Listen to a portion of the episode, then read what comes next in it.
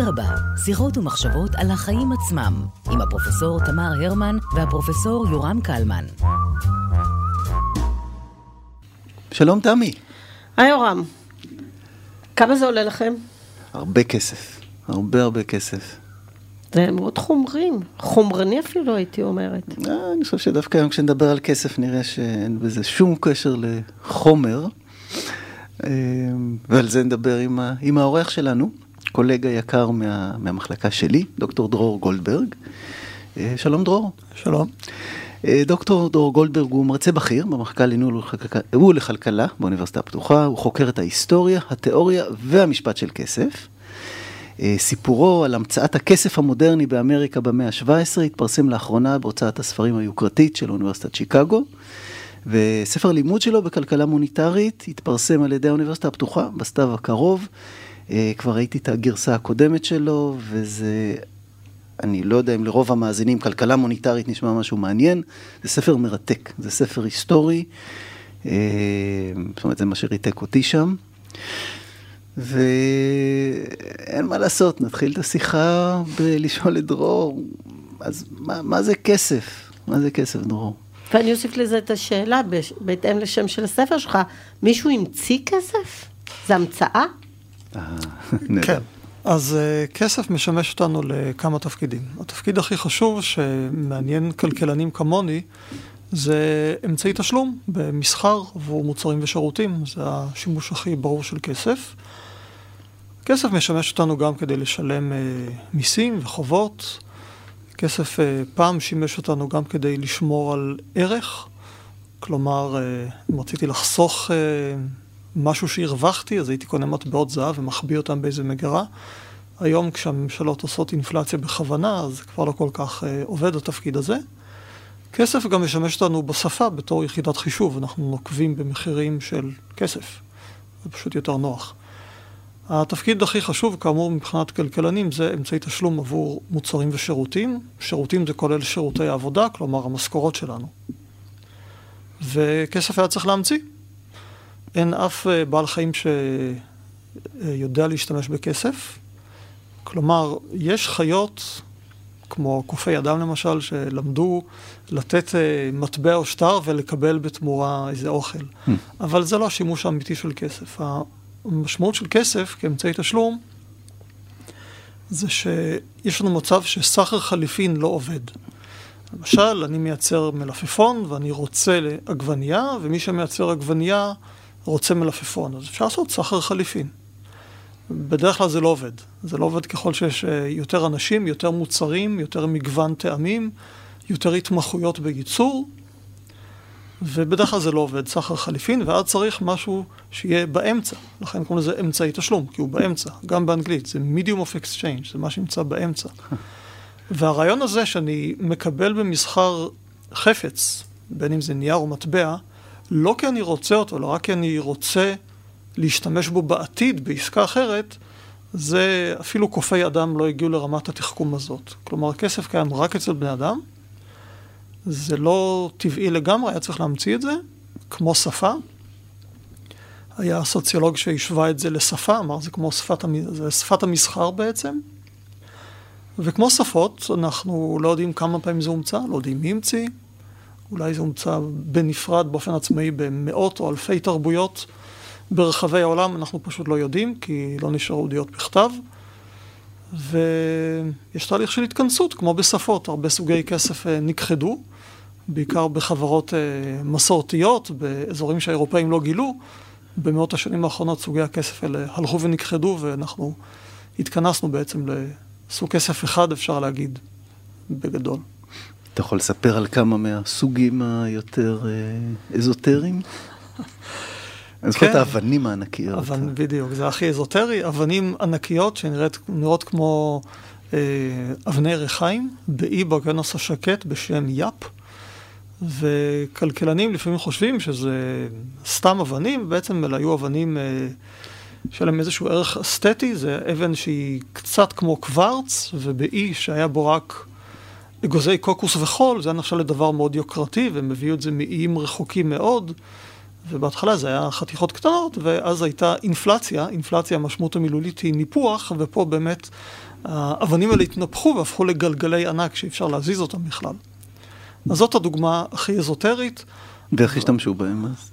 אה, פשוט אה, כמו כסף בבנק, אתה נותן צ'ק, אתה, אתה לא מעביר את השטרות המטבעות שבכספת, זה פשוט הזכות החוקית לתבוע את מה שבכספת עוברת מאחד לאחד, ולכן כולם ידעו, אה, האבן הזאת שייכת עכשיו אה, לא לי, אלא לשכן שלי. אז זה פשוט מין זיכרון כזה קולקטיבי של הכפר.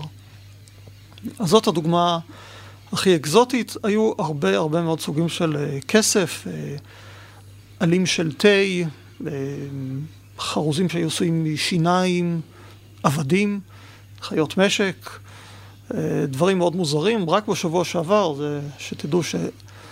ללמוד את ההיסטוריה של הכסף זה דבר שלא נגמר. רק בשבוע שעבר מישהו סיפר לי שאכן מישהו ברשתות חברתיות שלח לי קישור, שבאזור קזחסטן אה, גיבו שטרות באופיום אחרי מלחמת העולם הראשונה.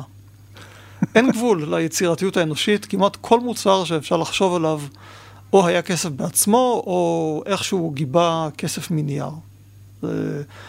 דבר די מדהים. אני מדבר כמובן על מוצרים אה, פשוטים, לא, לא על מחשב, אלא אופיום טבק בווירג'יניה, המושבה האנגלית. כמובן זהב, שזה ברור, ה...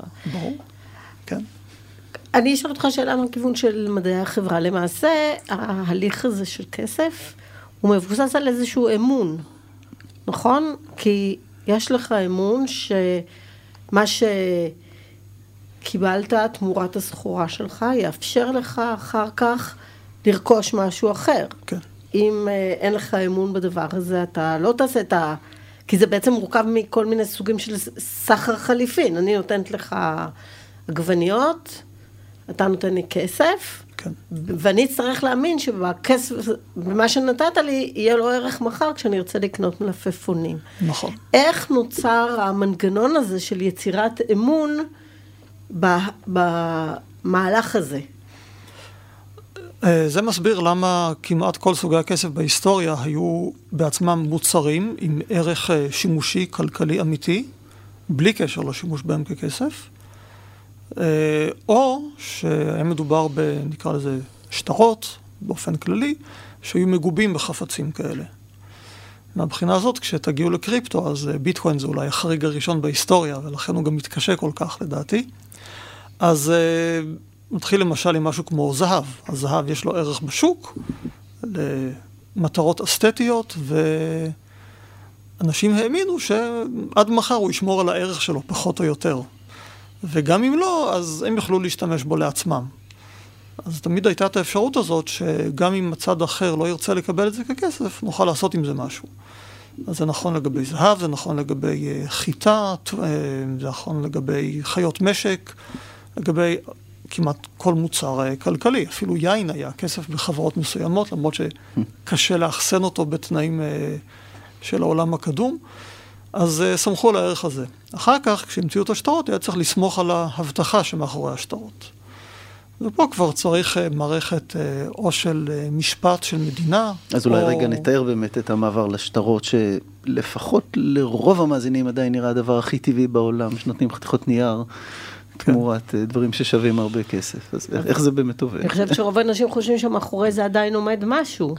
זאת אומרת, פתאום מתברר לך שבעצם לא עומד מאחורי זה שום דבר, זה קצת, דבר. אה, זה קצת אה, מלחיץ, כן. הדבר הזה. אגב, הייתי בשוק הזהב בדובאי, ומוכרים שם, את לבנ... אתה יכול לרכוש לך לבני זהב כאלה, כמו שהיה פעם בפורט נוקס, היו מצלמים.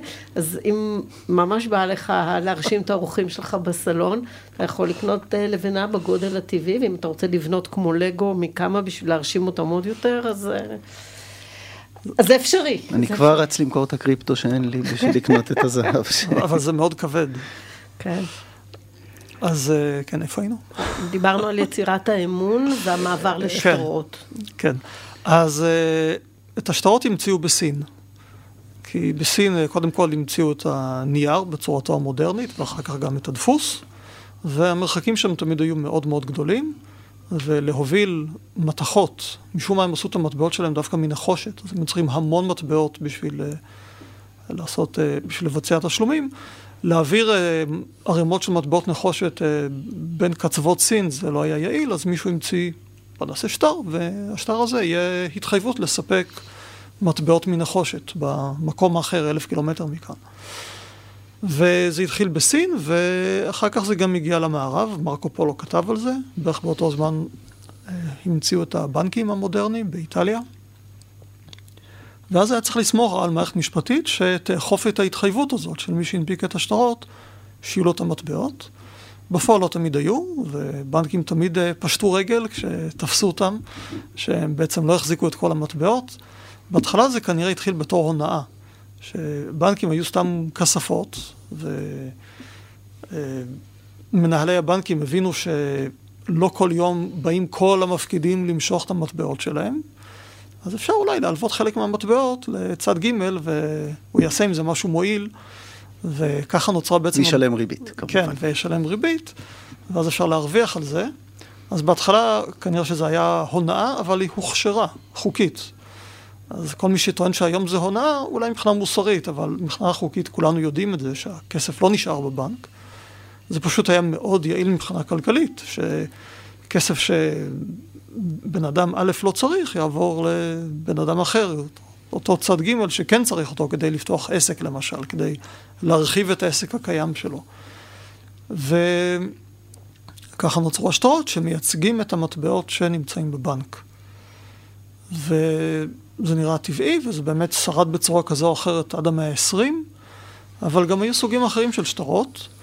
אז uh, למשל בסין, כשהייתה תחת כיבוש מונגולי, בדיוק על זה מדבר מרקו פולו בעצם, אז הנפיקו שטרות, אבל החובה לספק עבורם חפצים uh, עם ערך כלכלי לא הוטלה על הממשלה, זה היה כיבוש מונגולי, הטילו אותה על האוכלוסייה הכבושה. מי שסירב לקבל את כספו של קובלאי חאן הוצא להורג. פשוט hmm, מאוד. זה, זה, זה מחיר יקר. זה מרקו פולו כותב על זה במפורש. אז זה דרך אחרת לגבות את הנייר, אבל את החובה מטילים לא על השלטון עצמו, אלא על המוכרים בשווקים. ודרך אחרת, שעליה כתבתי את הספר שלי, זה לגבות את הכסף בעקיפין בתשלומי מיסים. אז לשלם מיסים זה לא כיף, ובטח שאני לא נהנה מזה, כמו אם אני מקבל אה, מטבע זהב, אבל uh, זה משהו שאני חייב לעשות, ואם אני לא עושה אז אני אענש. אז להימנע מעונש על אי תשלום מיסים, להימנע מעונש זה כמו, מינוס מינוס זה פלוס, כן? אז להימנע מעונש זה כמו לקבל מטבע זהב מהבחינה הזאת. אז uh, אנשים הבינו שכדי להימנע מעונש על זה שהם לא שילמו מיסים, הם צריכים איכשהו להשיג את הניירות של הממשלה, אז הם הסכימו לקבל אותם. ואז, לא ואז זה הביקוש. ו... כן, זה יצר ביקוש לשטרות, ואז הם משלמים את השטרות, ו... וזהו, ורק כדי להשיג את התנועה הזאת של הכסף בכלכלה, התנועה המחזורית הזאת, מהאזרחים לממשלה וחזרה מהממשלה לאזרחים, לא צריך זהב. זהב זה כדי למנוע אינפלציה, נוכל להרחיב על זה אם תרצו. וזה מה שיש לנו היום, אין לנו זהב, יש לנו רק את מעמדו המשפטי של הכסף כהלה חוקי. שזה אומר שאפשר לשלם איתו מיסים וגם חובות בין אדם לחברו. אז פה אני רוצה, דיברת על הבנקים, אני רוצה לחזור לבנקים, כי, כי אני חושב שהם מדגימים, זאת אומרת, הם, הם, הם, הם משהו די אה, מופלא ושונה ממה שאני חושב שרובנו חושבים על הבנקים. אה, היום למעשה הפקדה של כסף בבנק, אם אני שם שם 200 שקל בשטרות, או מקבל 100 אה, שקל במשכורת, וזה מופקד שם, השטרות לא יושבים להם בבנק, נכון? זאת אומרת, מה, מה, בעצם הבנק עושה היום? אז הבנק יכול לשמור אותם בכספת שלו, יכול, אה, פעם היה שולח אותם אה, לבנק ישראל, חלק מסוים מזה אולי, אבל היום זה לא כל כך משנה איפה זה נמצא, זה נמצא בכספת, אם כל מי שרוצה למשוך כסף שיבוא וייקח. מה שמשנה זה שהבנק יכול אה, למנף כל הסכום שאנחנו הפקדנו ולהלוות את רוב הסכום הזה. לאנשים אחרים. לאנשים שיש להם מה לעשות עם הכסף. אנשים אה, יזמים למשל, שרוצים לפתוח עסק, מי שרוצה להרחיב עסק, מי שצריך, אה, לא יודע, לשפץ את הבית שלו, כל מי שרוצה הלוואה, מי שרוצה לקנות רכב, דירה. אז בכל נקודת זמן יש אנשים שכרגע לא צריכים כסף שיש להם, יש כאלה שכן צריכים כסף שאין להם. אז הבנק הוא המתווך הפיננסי, זאת למעשה זכות הקיום העיקרית שלו בכלכלה, ולפעמים זה יוצר בעיות, אבל בסך הכל התפקיד הזה של הבנקים הוא נראה חיוני לכלכלה. קשה לדמיין את הכלכלה בלי אשראי, והבנקים עושים את זה, במדינות מסוימות, בנקים עושים את זה יותר טוב מכל אחד אחר. אני רוצה רגע לקחת את השאלה של אה, יורם צעד אחד קדימה. בעצם אפילו, אנחנו לא מדברים היום על שטרות, אנחנו מדברים על תרשומת. נכון. לא עומד מאחורי איזה שטר. אנחנו באופן אה, דמיוני אומרים כן. יש פה שטר, אבל למעשה אני, רשום שאני הכנסתי, רשום שאני הוצאתי, אבל אף אחד לא לקח אה, שום חפץ והעביר אותו. לא אני לתוך הבנק, לא... היום אנחנו הולכים עם ארנקים אה, כמעט ריקים, עכשיו זה אפילו לא בארנק, זה נמצא בטלפון. אה, אז, אז בעצם זה בנוי על עולם דמיוני, נכון? זאת אומרת ש, שהוא אני צריך לתאר למאזינים שתמי ככה עושה תנועות עם הידיים של, שפונות כלפי מעלה ומתעגלות מסביב. נדמה לי שרק למעלה יכולים להציל אותנו מהדבר הזה. זאת אומרת, זה יכול לקרוס ב... בהינף אה, אירוע. זה אפס ואחד נכון, במחשבים. נכון? שלא כן. לדבר על זה שאם יש איזה פעימה אלקטרומגנטית וזה, התרשומת נמחקה והם לא עשו חוות באלוהים יודע איפה, אז אין, אין. אז, אז רגע, רגע, אני הולך שנייה לקנות קצת זהב, תמשיכו בריאיון. כן, הכל מגובה, אני רוצה להאמין אני... שהכל מגובה, ולרובנו, רוב הרכוש שלנו לא נמצא בבנקים, או לפחות לא בצורה כזאת. לרוב האנשים הרכוש נמצא בצורות אה, יותר פיזיות. כמו נדל"ן. כן, ישראלים משקיעים בדירה בדרך כלל, בעיקר כדי לגור בה, ואם יש עוד, אז קונים עוד. וכן, זה עולם דמיוני, אפשר להגיד, כמו המדינה עצמה. גם המדינה עצמה זה דבר דמיוני. וכבר אמרו אחרים שאם כולנו נאמין שהמדינה לא קיימת יותר, אז היא באמת לא תתקיים יותר. במיוחד השוטרים והחיילים. אם הם יאמינו שכבר אין מדינה, אז באמת לא תהיה מדינה. חוץ מזה שיש לה את המונופול על הכוח, ועדיין כן. כל עוד אנשים מחזיקים אה, רובים, אז אה, יכול להתממש. בשנייה שהמונופול שלה יתמוסס מסיבה כזו או אחרת. אם הם יקומו בבוקר ויחשבו שהמדינה הפסיקה להתקיים, אז היא באמת תפסיק להתקיים, כי הם לא ישתמשו ברובים שלהם.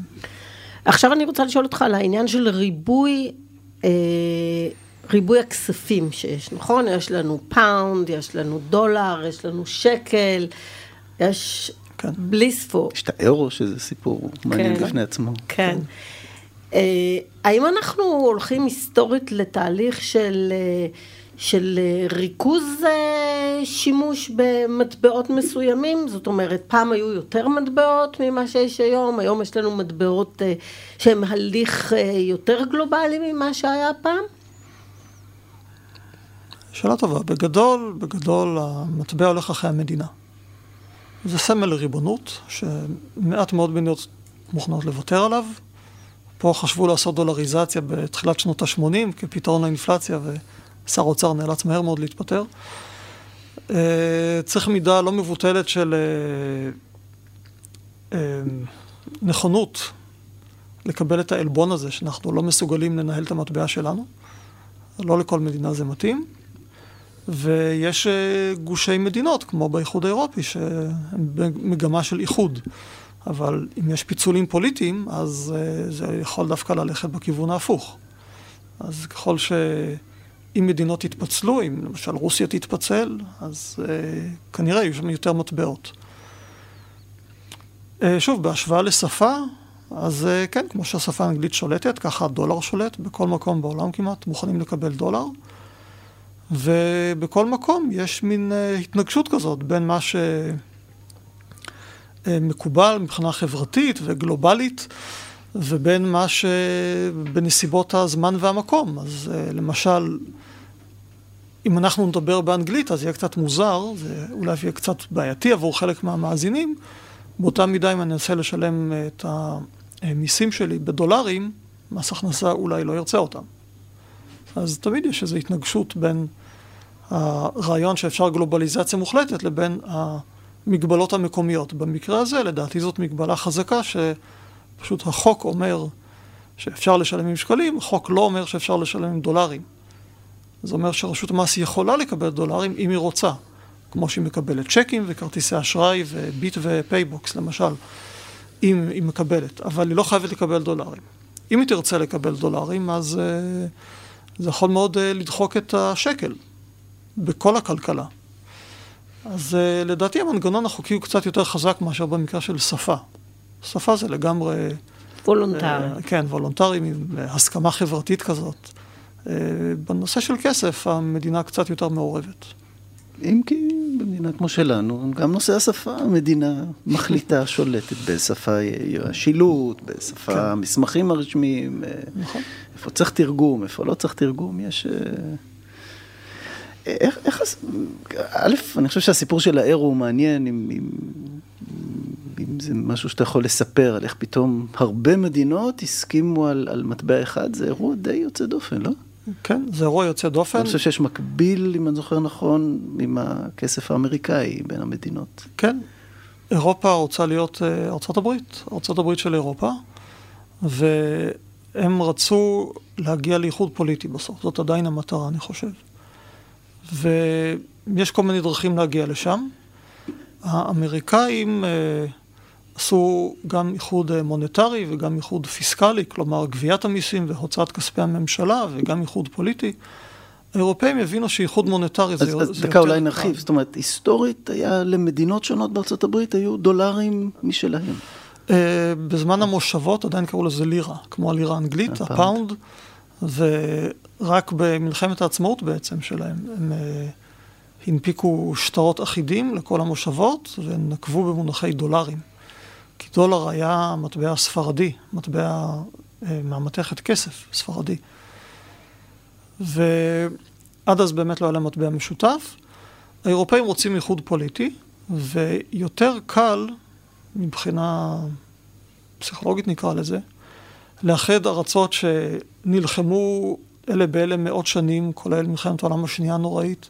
יותר קל לאחד את המטבע שלהם מאשר לאחד את מנגנון גביית המיסים שזה דבר הרבה יותר כואב. אז הם הלכו קודם כל על איחוד מוניטרי. בואו נאחד את המטבע, מה זה משנה? זה, נו, אז השטרות יראו אותו דבר כמו במדינה אחרת, זה גם יחסוך לנו עלויות של אה, חלפני כספים, אם אתם זוכרים, כשהייתם פעם מטיילים באירופה, וזה גם יקבע את, אה, בעצם את שערי החליפין בין המטבעות, כי פעם יבואנים ויצואנים היו מאוד חשופים לשינויים של ספקולנטים, כמו אה, ג'ורג' סורוס, עשו להם, זה יכול להרוס את הכלכלה. וזה גם משהו מאוד אה, סמלי ונראה כזה לא מזיק. עד המשבר היווני זה היה נראה לא מזיק. כלכלנים, דרך אגב, התריעו כבר בזמן אמת.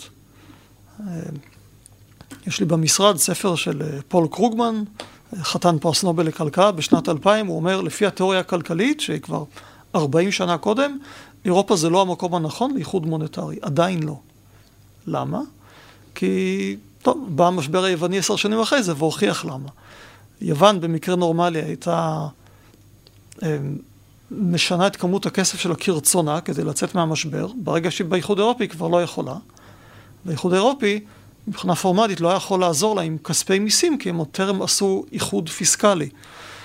כלומר, הם בעצם הלכו פה בסדר פעולות לא נכון מבחינה כלכלית, וכלכלנים התריעו על זה בזמן אמת.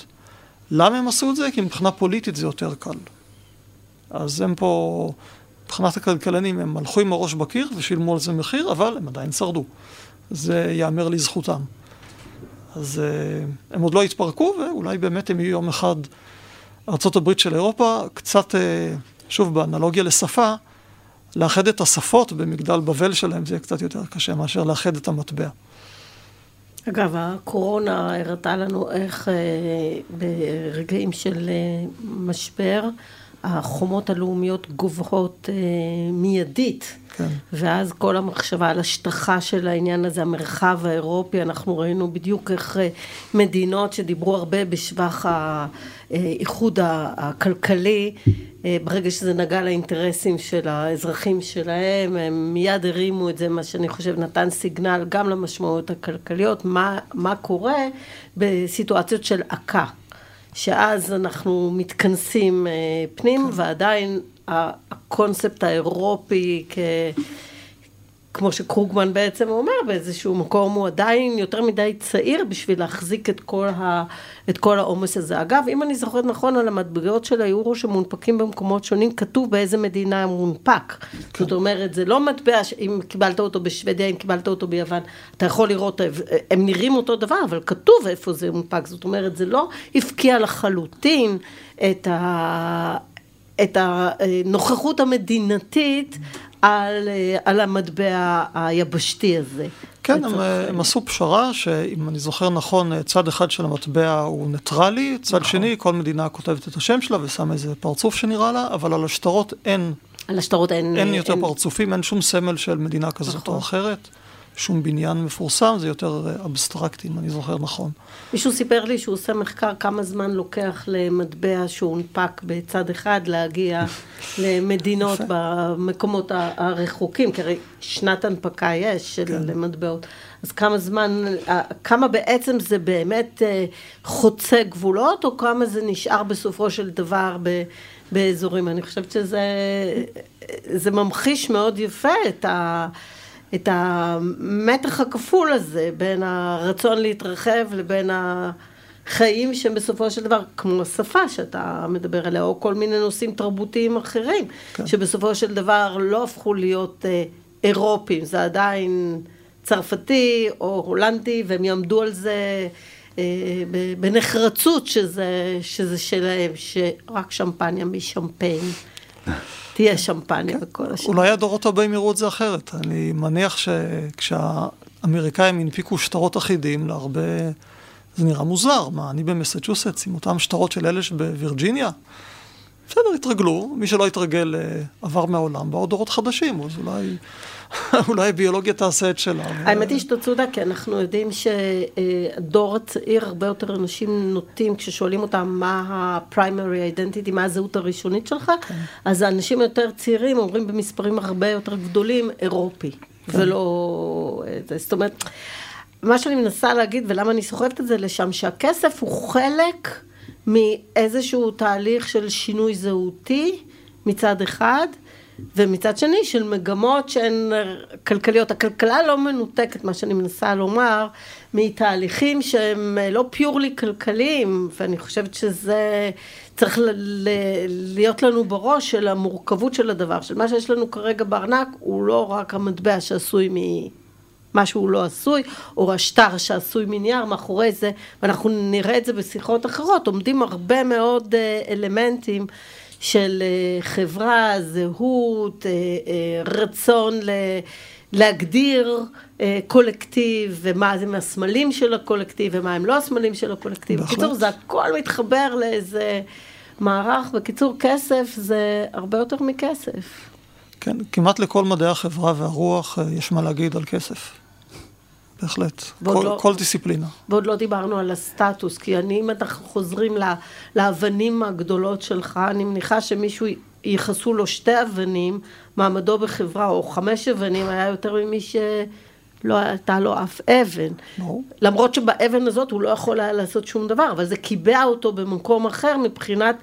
המון יכולויות שלו, בין השאר יכולויות כלכליות שלו, כי מן הסתם גם היה יותר קל לו לעשות כל מיני עסקות כאלה. כן, בהחלט, כמו זהב, בדיוק אותו דבר. כמו זהב. אז בואו נשאל בכל זאת שאלה שהיסטוריונים פחות אוהבים, אז אם אתה לא אוהב, תגיד, מה, מה העתיד של כסף? אה, מה שהיה הוא שיהיה?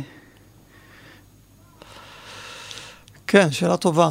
אז uh, אני חושב שהרבה כלכלנים בעבר חשבו ש...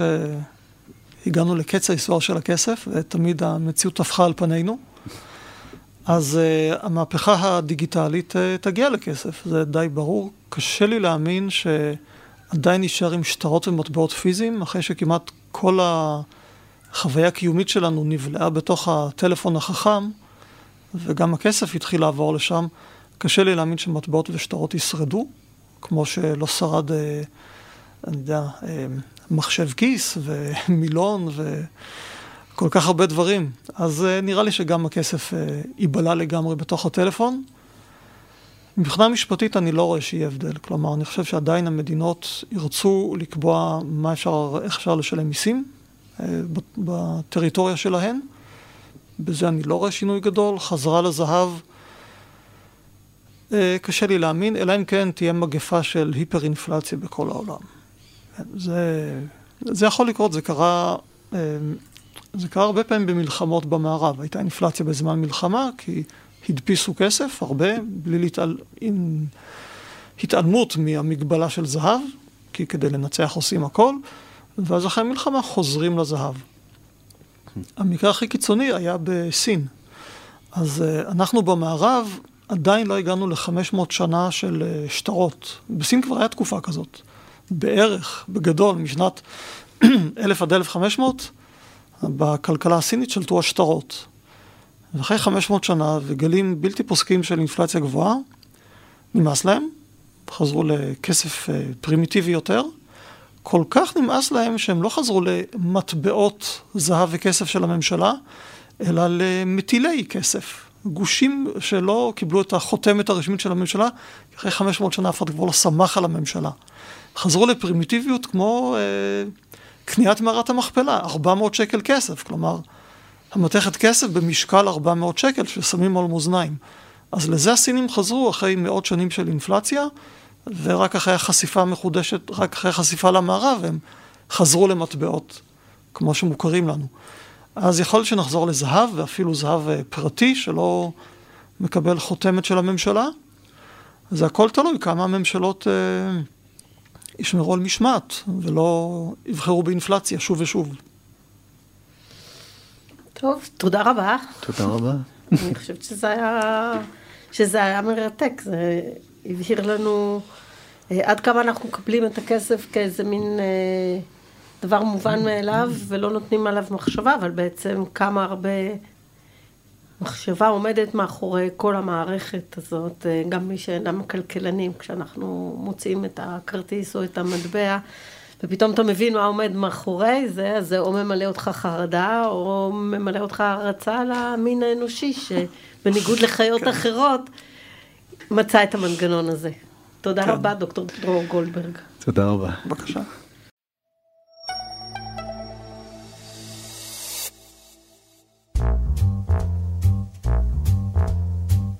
אדרבה, שיחות ומחשבות על החיים עצמם, עם הפרופסור תמר הרמן והפרופסור יורם קלמן.